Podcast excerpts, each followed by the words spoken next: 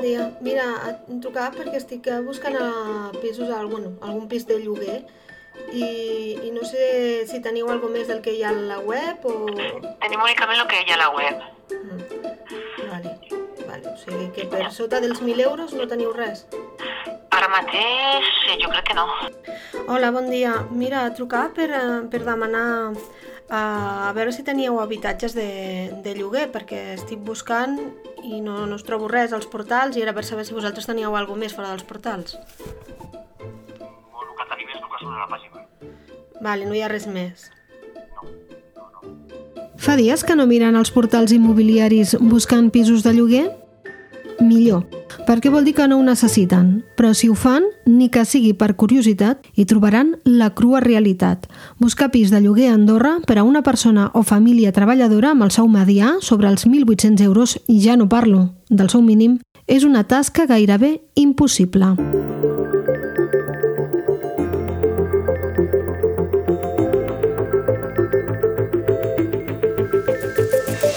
Hola, sóc Esther Pons. Això és l'Altaveu a fons i aquesta setmana donem un cop d'ull a la principal preocupació de la població, l'habitatge.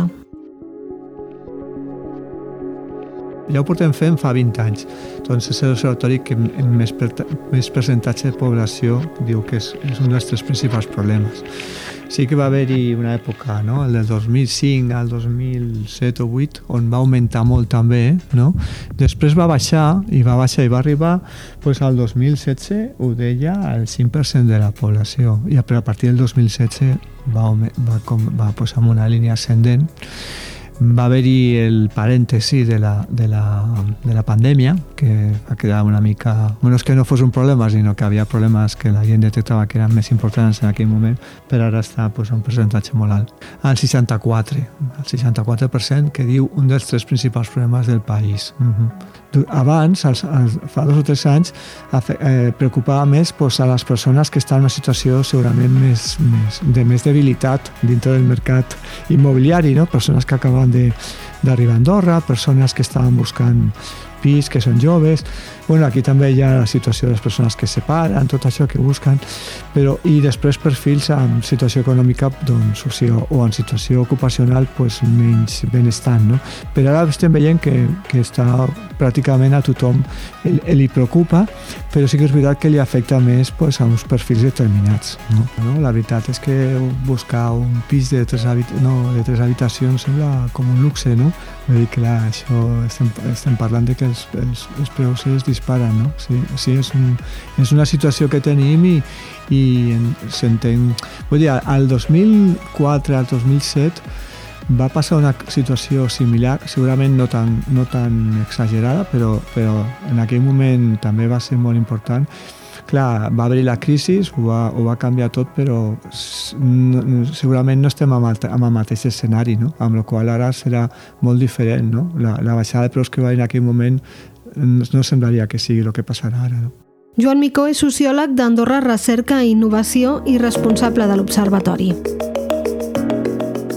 Tornem als portals immobiliaris. Després d'una recerca trobem que no hi ha més de 200 habitatges publicitats per llogar. Molts d'ells es repeteixen en diferents portals.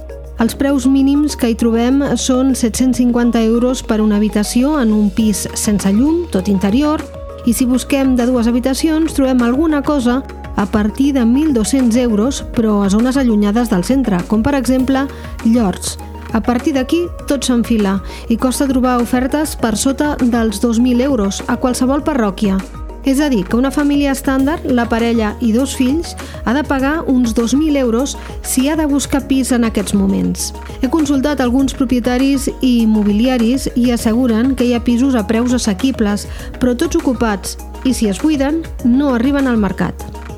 El problema per accedir a l'habitatge fins fa poc era per a aquelles persones amb rendes més baixes o desocupades.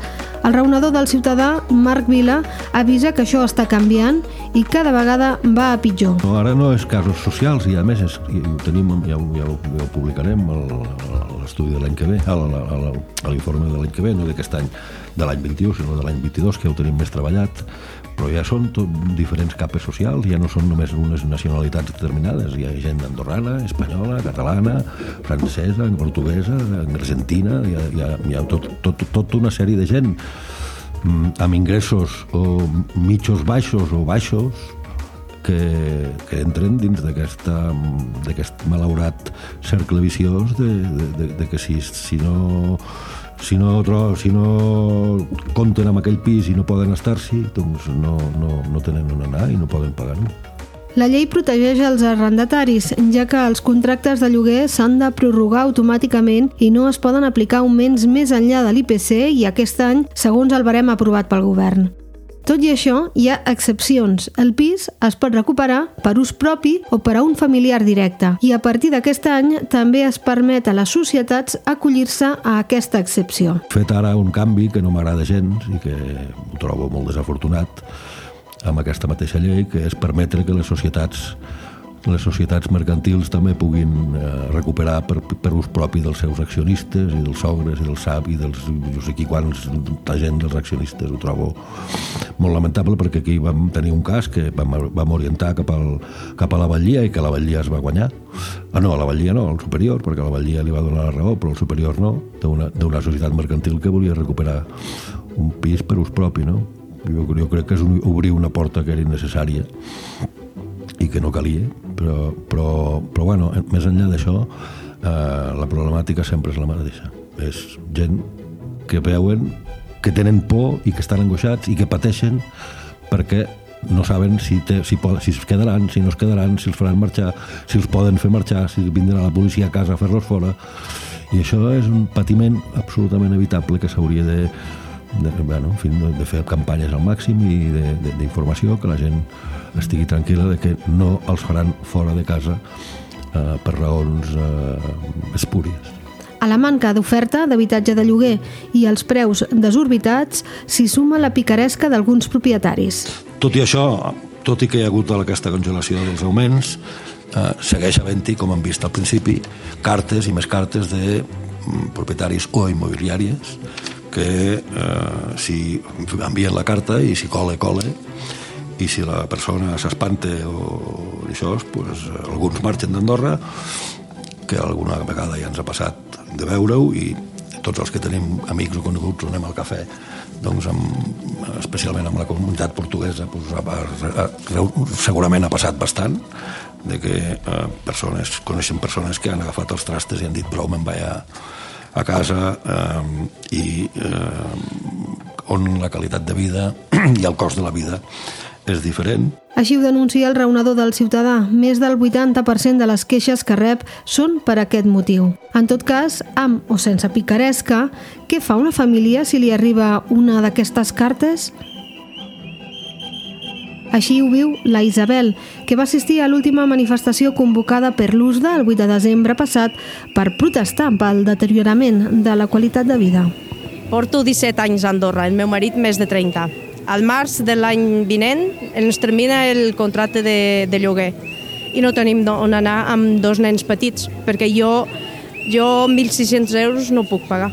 El meu sol no, no em permet pagar i ja sense, hablar, sense parlar amb el que tenim que abonar al principi per entrar a un pis, que seria uns diners que portaríem com 10 anys eh, guardant. És impossible. Els meus nens no, no volen marxar nosaltres pues, podem marxar a Portugal, que és el nostre país, però els meus fills són andorrans i la meva filla diu que no vol marxar. És, el seu país és Andorra i aquí le teniu que dar les condicions per viure. Nosaltres dos treballem, però no, no podem disposar del sol d'un per pagar el lloguer, perquè amb el sol, el sol de l'altre no, no tenim una vida, una vida digna. He parlat amb el cap de govern m'ha contestat, m'ha dit que han renovat la, la, esto de, de la forçosa, no? Per clar, jo no sé si el propietari del, del, del pis vol el pis per viure. I tenim que buscar, tenim tres mesos per buscar on viure. I tenim dos nens petits i, i estan nerviós perquè no saben el futur que, que, que els reservarà, no? Esport, escolta, el poble revolta. Esport, escolta, el poble revolta. Les estadístiques diuen que la població d'Andorra creix, però falten estudis sobre la tipologia del resident. Una de les dades interessants i que explica l'opció que prenen moltes famílies, com les de la Isabel, és veure com any rere any marxa població portuguesa, que fins ara era un dels principals motors de la força de treball del país. Durant molts anys, des del 2015, la comunitat portuguesa s'havia mantingut estable al tom dels 9.200 residents. El 2022 va tancar amb una xifra que havia baixat molt per sota dels 9.000, fins a 8.777. Des del 2019, el nombre de residents portuguesos ha reculat un 5%. Sense les pròrrogues als lloguers, Marc Vila assegura que la situació seria molt més complicada, tot i que els immobiliaris, i així ho diu el president de l'Àgia, Gerard Caselles, asseguren que la llarga és una solució contraproduent.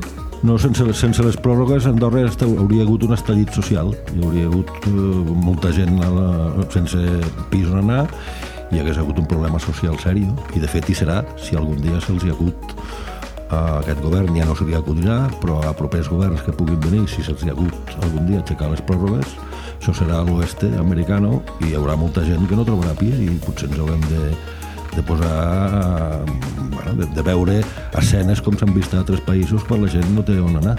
I per tant jo crec que això no ha de, no ha de passar a pena de, de, de, de que Andorra pateixi un cop fort a la seva a la seva convivència, a la seva estructura i a la seva viabilitat com a país decent. Per tant, no ha de poder passar fins que no hi hagi pisos més al més al mercat. Estem en un període de, on el govern intervé al mercat a base de, de, de, de limitar el creixement amb els contractes, de fer pròrrogues automàtiques dels contractes que existeixen i l'únic que diem eh, com a coneixedors del mercat és que això té causes, sobretot a mitjà termini, i que ja s'estan començant a conèixer i que al final i a la llarga nosaltres pensem de que malauradament anirà en contra del propi llogater, de la pròpia persona que vol accedir a l'habitatge, perquè també els propietaris, els que posen els habitatges al mercat, doncs, també tenen la seva capacitat de reacció i d'actuar. I pensem que aquestes mesures, eh, si duren massa el temps, no, no acabaran aportant l'efecte desitjat al mercat. I com hem arribat a aquest punt? Caselles ho veu així. A partir de, de l'obertura econòmica del país, de signar tractats trilaterals, doble imposició, transparència amb les operacions financeres, eh, tot això ha donat confiança. El país també ofereix una sèrie de, de, de característiques com la seguretat, el sistema educatiu, la sanitat també eh, fa que molta gent amb el poder adquisitiu pues, hagi, hagi, instal·lat a Andorra no? com a residents fiscals, residents passius, i també el fet de que l'economia vagi creixent, no oblidem de que el país pues, també eh, hi ha demanda de, de, de mà d'obra. I, i per regla general tenim més població enguany que l'any passat. I això fa que la, la demanda creixi més ràpid que no la, la capacitat que té el mercat amb, amb aportar oferta d'habitatge.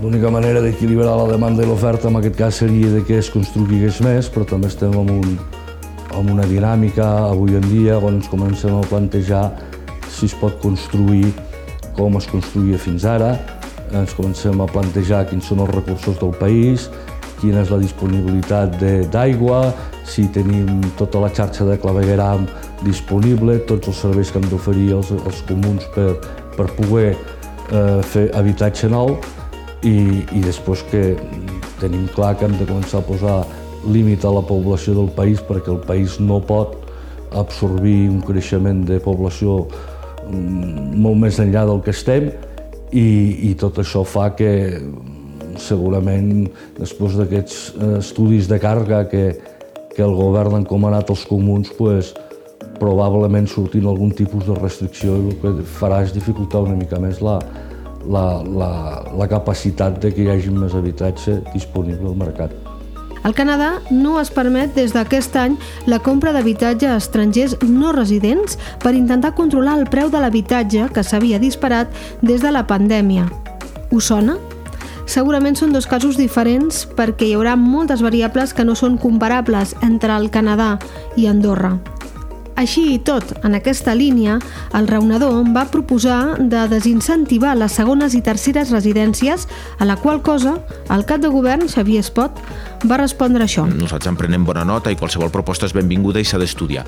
El que passa és que també hem de ser molt curosos, és a dir, eh, limitar eh, la inversió estrangera o, o limitar el sector immobiliari eh, pot tindre efectes positius des de la perspectiva de tenir més disponibilitat en matèria d'habitatge per a la gent del país, però també hem de ser conscients que després també té tota una sèrie d'efectes negatius que també repercuteixen en el teixit productiu i en els treballadors d'aquest país. Eh, és a dir, al final, eh, l'obra nova que s'està construint eh, i que en molts casos també té una sortida eh, prop de les persones que venen de fora, eh, també dona feina i dona, eh, diguem, vida a tota una sèrie d'empreses, en molts casos petites i mitjanes empreses, que també contracten treballadors del país, que també tenen famílies eh, i, i per tant doncs, tot això també s'ha de posar damunt la taula i, i al final s'ha de fer una valoració dels pros i els contres. No? Per tant, bé, nosaltres en prenem bona nota, però eh, també és una cosa doncs, que no es pot eh, adoptar de manera precipitada i improvisada. Es pot, que ahir va respondre a preguntes de la ciutadania sobre habitatge i poder adquisitiu, defensa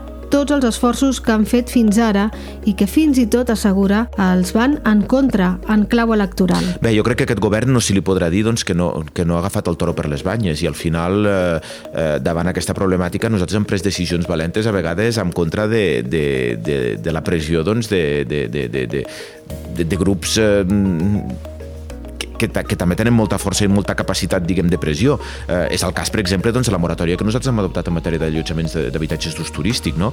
Eh, una moratòria de dos anys perquè sabíem doncs, que molts dels pisos que quedaven disponibles no se n'anaven a lloguer a preu assequible per a la gent del país, sinó que se n'anaven a habitatges d'ús turístic. També eh, hem, hem, pres, eh, hem, hem, hem, agafat el toro per les banyes en altres, en altres debats i en altres qüestions que no eren senzilles i que podien tindre també un efecte eh, desfavorable des de la perspectiva dels nostres interessos interessos electorals. És el cas, per exemple, de la llei que van fer doncs, per, per eh, fer un, un punt i a part i una reflexió al tom doncs, del creixement urbanístic del nostre país, amb l'obligació doncs, d'elaborar aquests estudis de capacitat de càrrega i amb la necessitat doncs, que determinades eh, obres i, i, i construccions ara hagin de passar per un filtre addicional a càrrec del govern. No?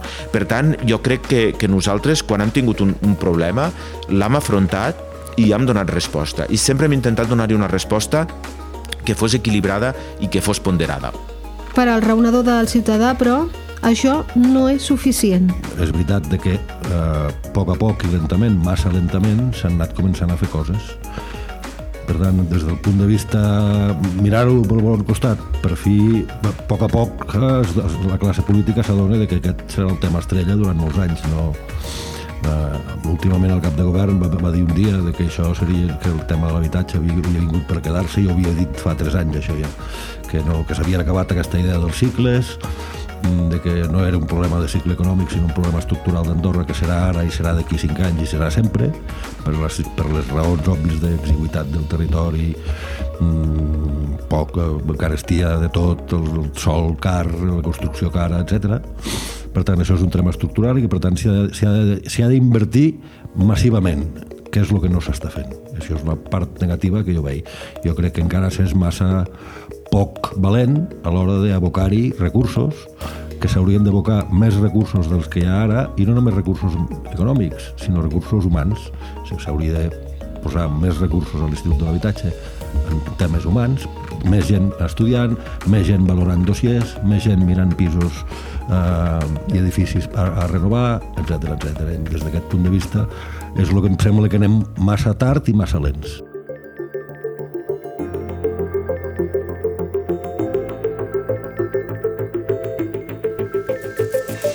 Així hem entrat al 2023, un any electoral on l'habitatge serà tema central. Ben segur que en tornarem a parlar per explicar noves solucions o per denunciar més abusos. Això ha estat l'Altaveu a fons. Aquest episodi l'ha realitzat qui us parla, Esther Pons, amb la col·laboració d'Alba Baró i Edu Arròs. Espero que us hagi agradat. La setmana vinent tornem amb més històries.